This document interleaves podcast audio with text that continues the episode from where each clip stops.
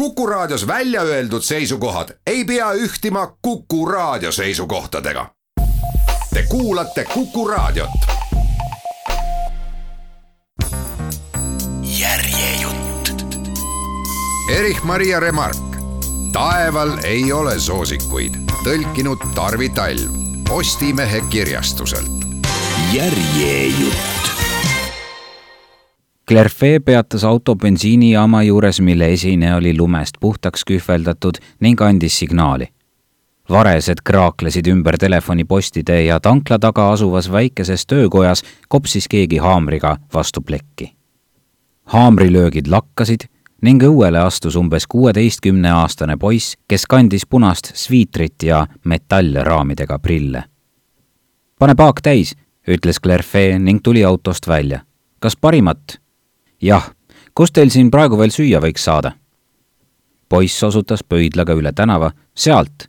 tänane päevapakkumine oli Berni lihavalik hapukapsa ja kartulitega. kas võtan rehvidelt ketid maha? miks? tee on üleval veel rohkem jääs kui siin. kas kogu kuru ulatuses?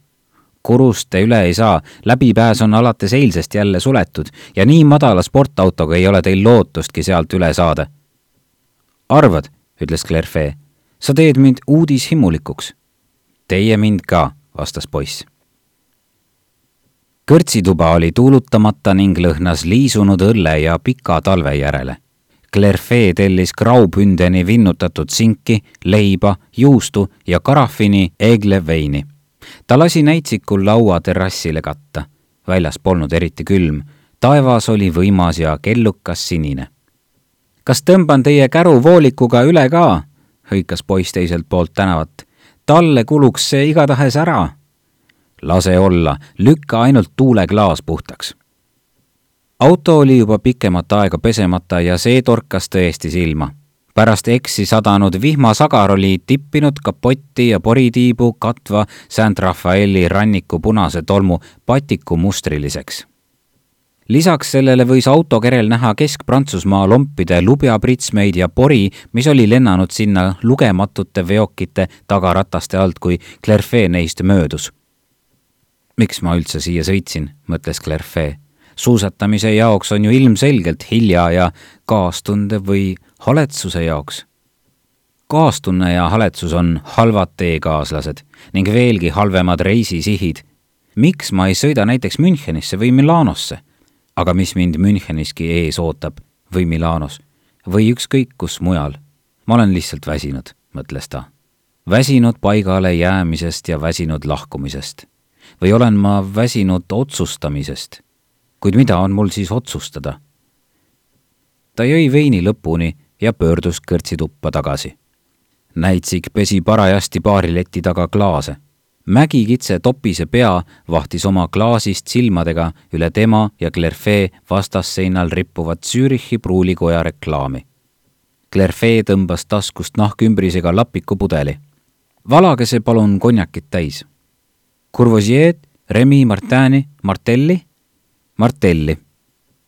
näitsik hakkas konjakit klaashaaval pudelisse mõõtma ukse vahelt lippas kõrtsituppa kass ja surus ennast kergelt hõõrudes vastu Clerfee jalgu.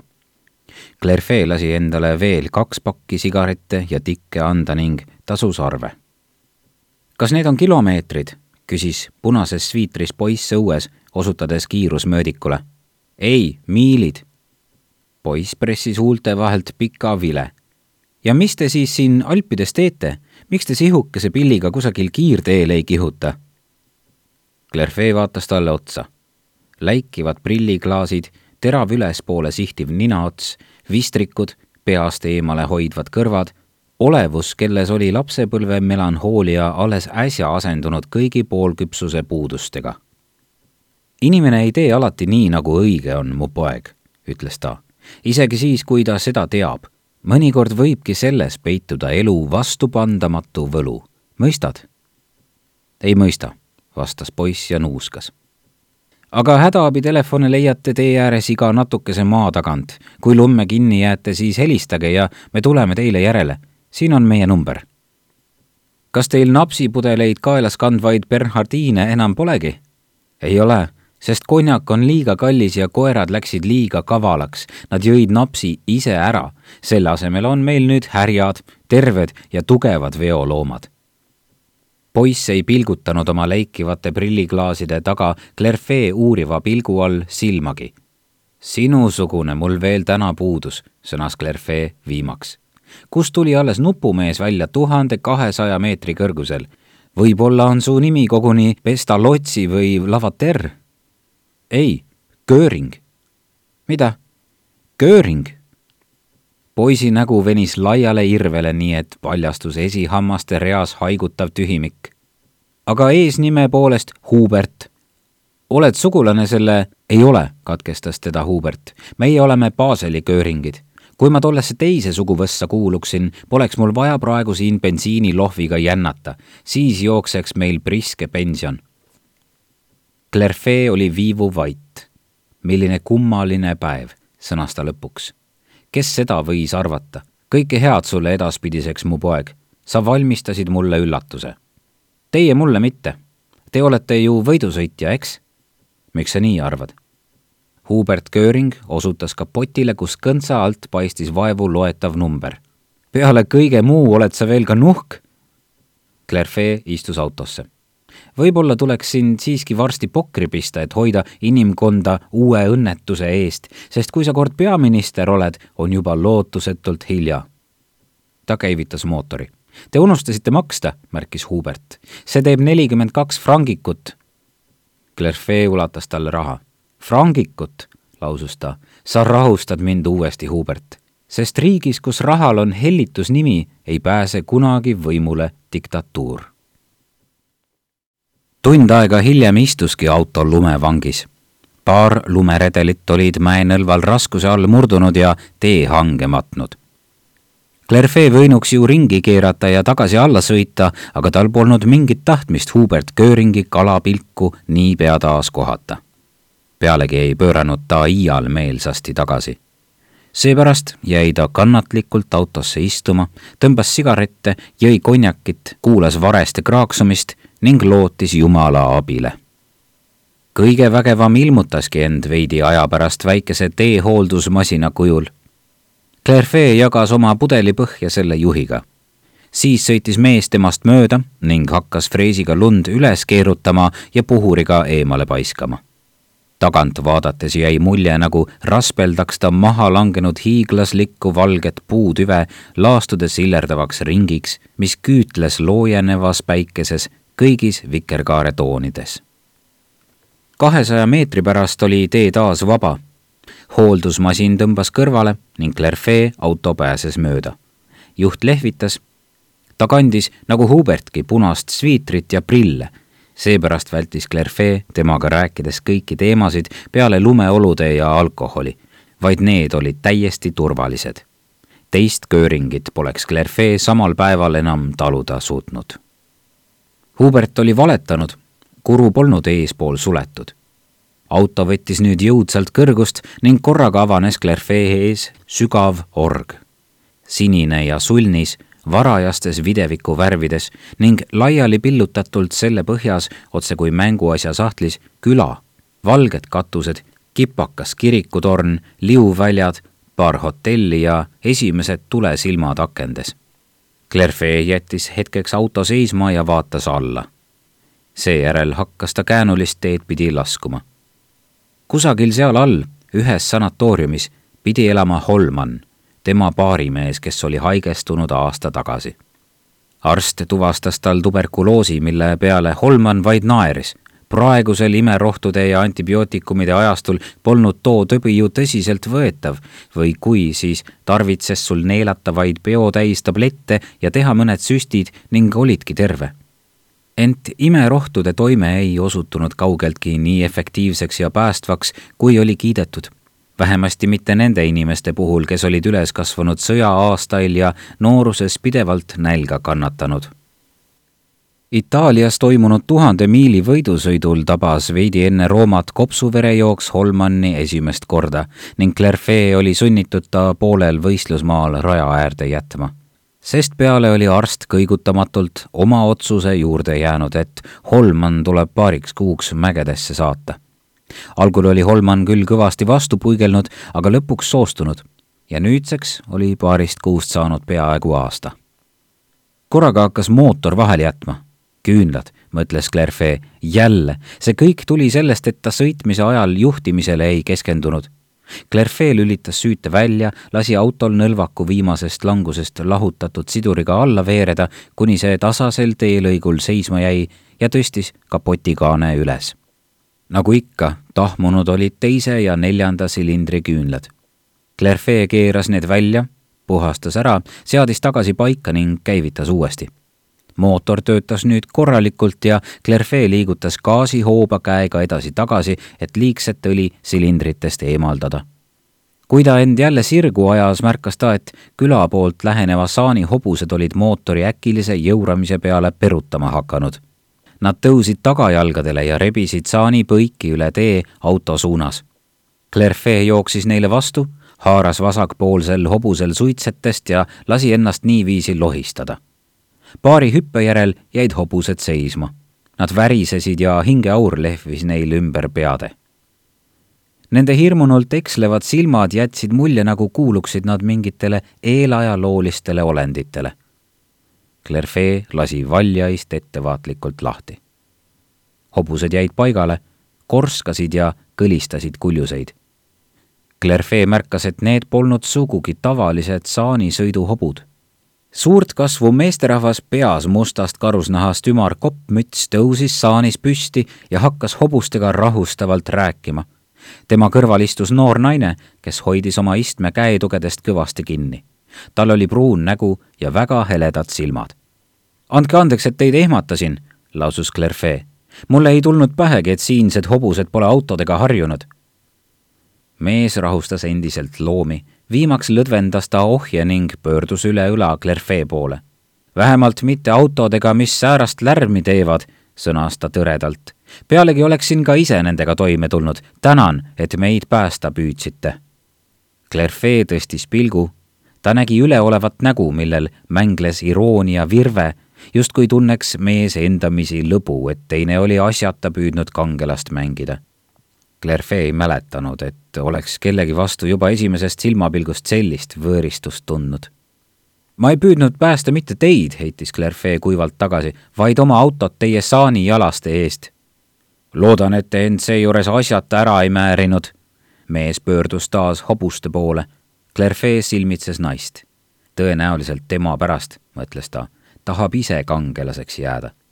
ei, ma ei määrinud ennast ära vastas ta aeglaselt. selleks läheb ikka enamat vaja. Bella Vista sanatoorium oli ehitatud väikesele platoole külast veidi kõrgemal. Clerfee parkis auto sissekäigu lähedale, kus ootas ka paar sõiduvalmis saani. ta lülitas mootori välja ning kattis kapoti tekiga, et mootor ära ei jahtuks. Clerfee, hüüdis keegi ukse juurest Clerfee pööras ringi ja nägi oma suureks imestuseks joostes lähenevat Holmanni. ta oli arvanud, et too lamav voodis. Clerfee, hüüdis Holman, oled see tõesti sina? nii tõesti, kui üldse olla saab ja sa ise lippad muudkui ringi. ma mõtlesin, et sa pikutad voodis. Holman naeris.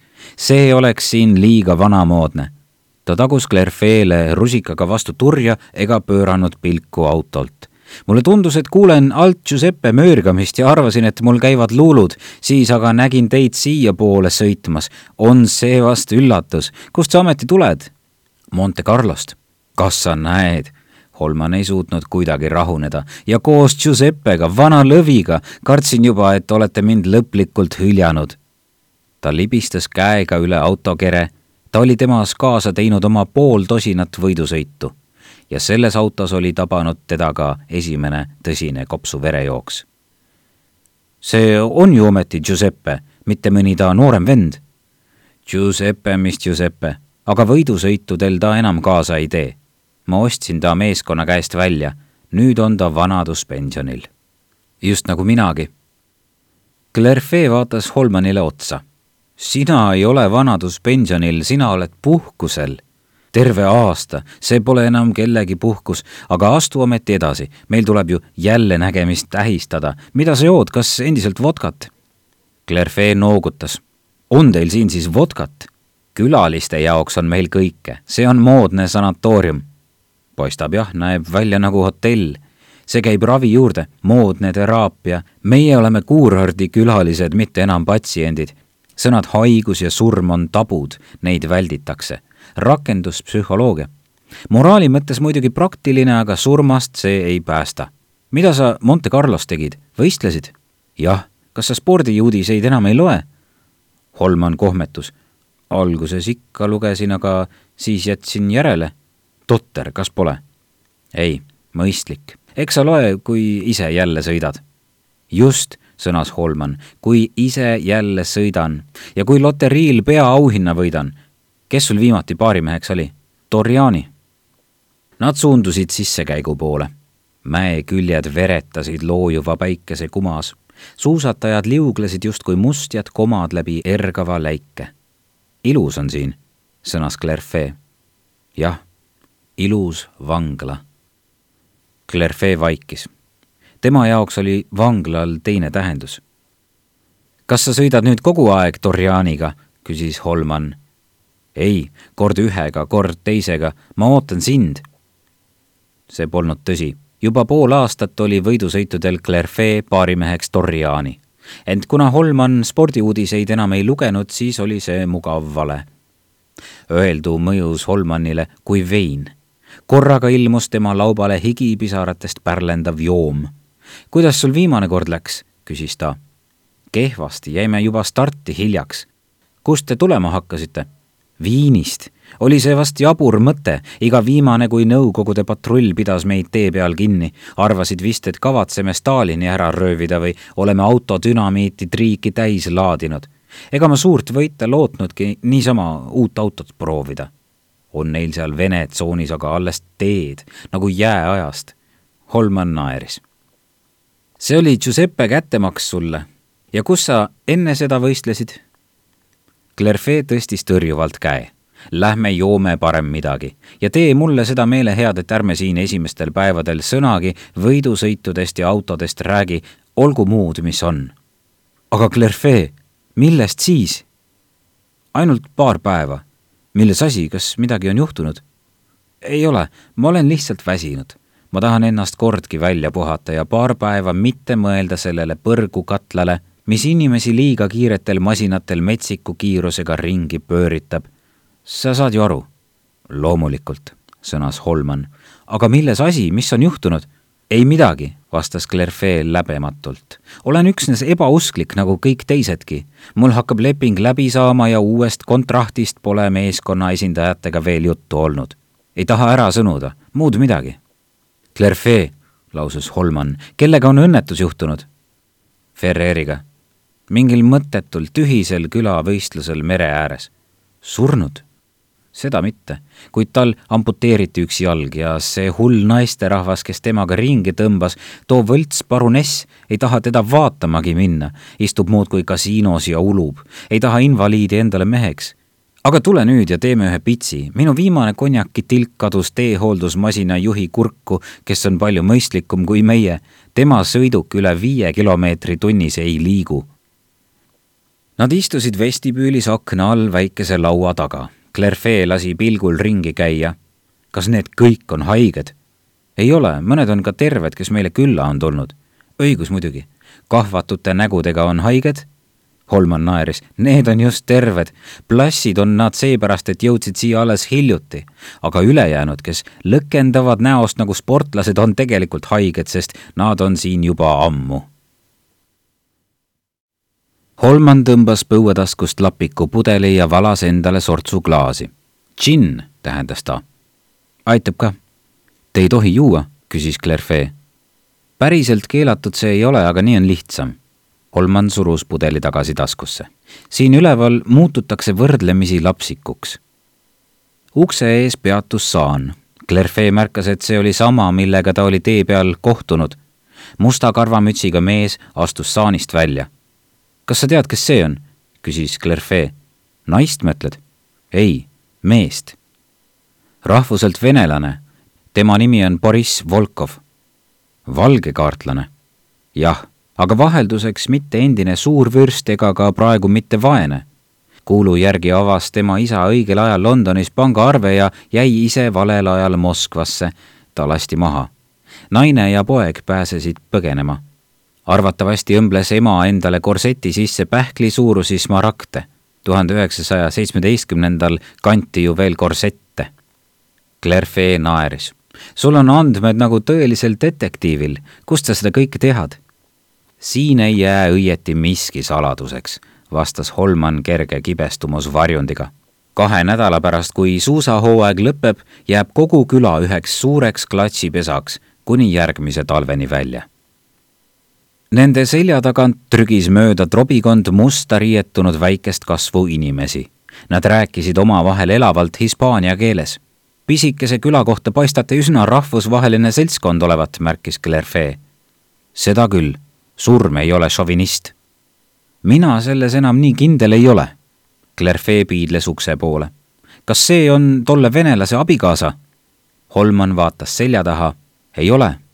Venelane ja naine sisenesid vestibüüli. kas nad mõlemad on haiged, uuris Clerfee. jah. pealtnäha pole nagu häda midagi, mis? tõepoolest, sageli on see nõnda. kuni teatud ajani näed välja nagu kevadine lilleõis, siis aga kõik muutub ja lõpuks pole sust ka enam siin ringi jalutajat. venelane ja naine jäid ukse kõrvale seisma. mees seletas naisele midagi tungivalt. Naine kuulas, raputas siis aga ägedalt pead ja läks tõtakal sammul saali tagumisse otsa. mees saatis teda pilguga ja ootas viivu, seejärel ta väljus ning istus saani. Läksid vist riidu, lausus Clerfee rahulolu varjamata. seda ikka juhtub igaüks keerab siin mingi aja tagant kergelt ära, vangilaagri psühhoos. proportsioonid nihkuvad paigast, pisiasjad muutuvad tähtsaks ja oluline hägustub kõrvaliseks. Clerfee silmitses Holmanni tähelepanelikult. kas sinu puhul ka? minu puhul ka. inimene ei suuda pidevalt fookust hoida. kas nad mõlemad elavad siin sanatooriumis? ainult naine, mees elab mujal Clerfee tõusis. ma sõidan nüüd hotelli. kus me sinuga õhtust võiksime süüa? siin. söögisaali on ka külalised teretulnud. hüva. ja millal? Seitsme paiku. üheksa pean juba voodis olema, otse kui koolis. või sõjaväes, sõnas Clerfee. või enne võidusõitu. mäletad sa veel, kuidas meeskonnapealik meid Milanos nagu kanu hotelli ajas? Holmani silmis süttis säde Gabrielli, on ta ikka veel rivis? loomulikult, miks ta ei peaks olema? meeskonnapealikud surevad voodis, nagu ka kindralid. noor naine, kes koos venelasega oli sisenenud, tuli tagasi. välisukse juures peatas teda hallijuukseline daam, kes talle midagi vaikselt, kuid järsult ütles. kõnetatu ei vastanud, vaid keeras kannalt ringi. ta jäi ebalevalt seisma märkas siis aga Holmanni ning sammus üle saali tema poole. krokodill ei lase mind enam välja, sõnas ta sosistades. ütleb, et ma poleks tohtinud väljasõidul käia. ähvardas Dalai-laamale kaevata, kui ma veel. Ta peatus. see on Clerfee, Lilian, sõnas Holman. ma olen teile ju temast kõnelenud, ta tuli mulle täna täiesti ootamatult külla. naine noogutas. näis, et ta ei tundnud Clerfeed ära ning pöördus taas Holmani poole. ta käsib mul voodisse heita, lausus ta ärritunult. üksnes sellepärast, et mul oli paari päeva eest kerge palavik. aga ma ei lase end luku taha panna, vähemalt täna õhtul mitte. Kas te olete pärastpoole veel siin? jah, me õhtustame põrgu eeskojas. ma tulen siis ka. ta noogutas Clerfeele ja Holmanile ning lahkus sind paneb meie tiibetlik kõnepruuk kindlasti imestama, ütles Holman põrgu eeskojaks nimetame saali, kuhu ka külalisi sisse lastakse. Dalai-laama on muidugi professor, krokodill on vanem õde. ja see naisterahvas? tema nimi on Lilian Dünkirk. Ta ise on küll belglanna, aga ema oli venelane. vanemad on tal surnud. miks ta tolle asja pärast endast nii väljas on? Holman kehitas õlgu. ta näis korraga väga väsinud ma ju ütlesin sulle, et igaüks keerab siin mingi aja tagant kergelt ära. liiatigi, kui keegi on surnud. kas keegi on siis surnud? jah, tema sõbranna. eile, siin sanatooriumis.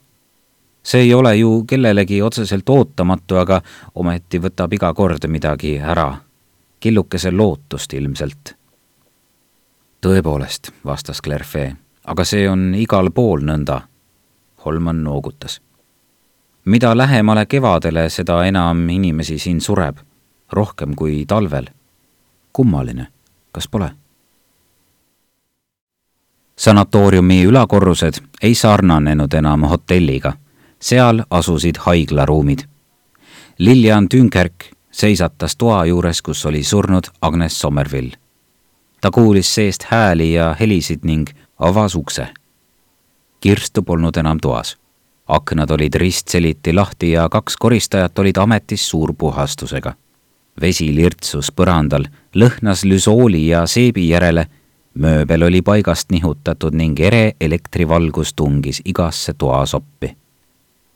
Lilian arvas juba hetke, et on valesse tuppa sattunud, kuid siis nägi ta kõrgele kapi otsa visatud väikest plüüskaru, mis oli olnud kadunud talismann. kas ta on juba ära viidud? küsis Lilian. üks naistest ajas end sirgu, ta viidi number seitsmesse. meil kästi tuba korda teha homme varahommikul tuleb siia juba uus sisse. aitäh. Lilian sulges ukse. ta teadis number seitset, pugeriku kaubalifti kõrval. surnud viidi alati sinna, sest sealt oli neid hõlbus öösel tõstukiga alla toimetada. nagu kohvreid, mõtles Lilian ja nende tagant pesti viimasedki jäljed seebi ja lüsooliga olematuks. toas number seitse olid kõik tuled kustutatud seal polnud ka enam ühtki küünalt.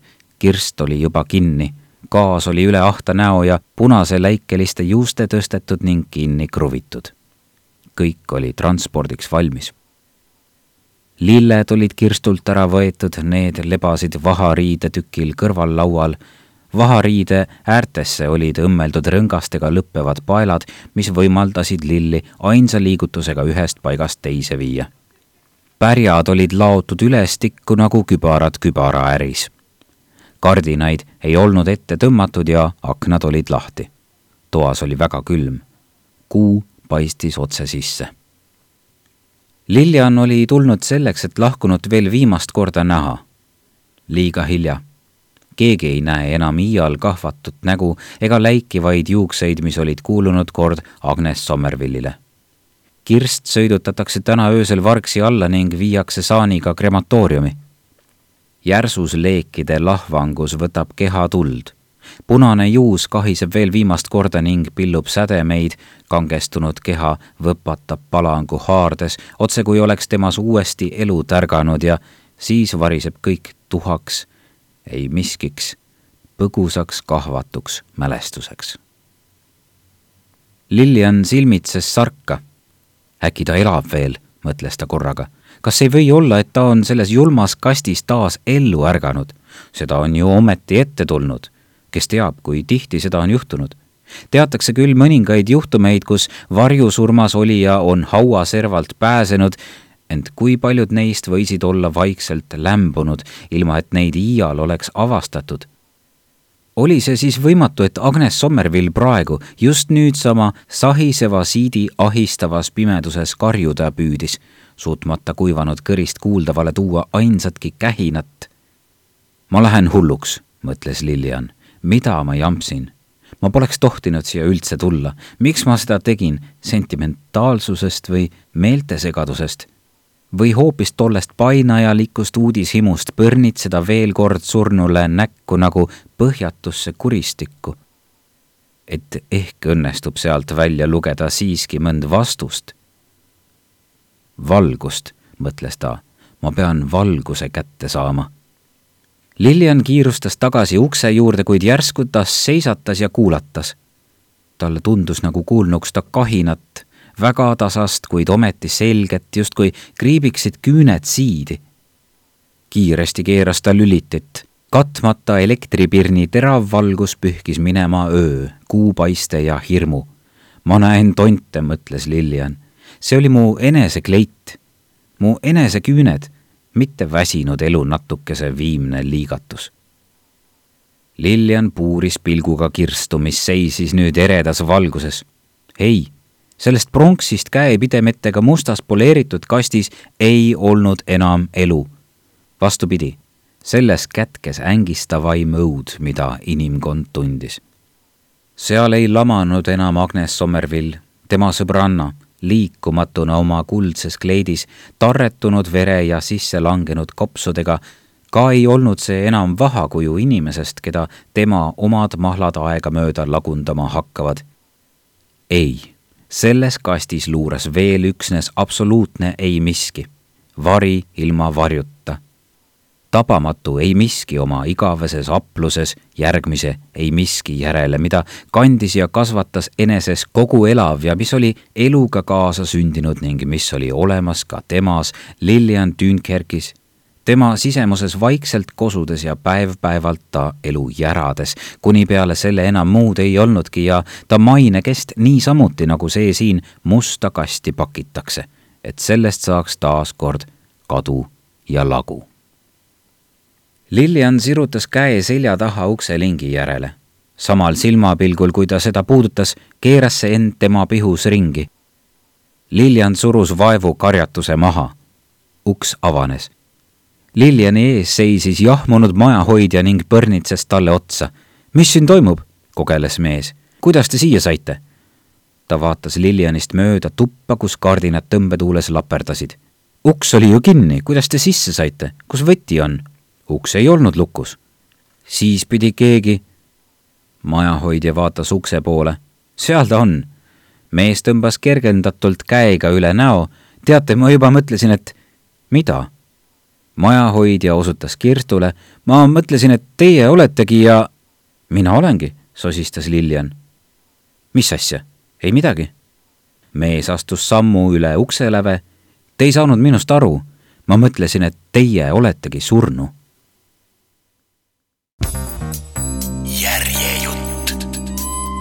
Erich-Maria Remark. taeval ei ole soosikuid, tõlkinud Tarvi Talv Postimehe kirjastuselt. järjejutt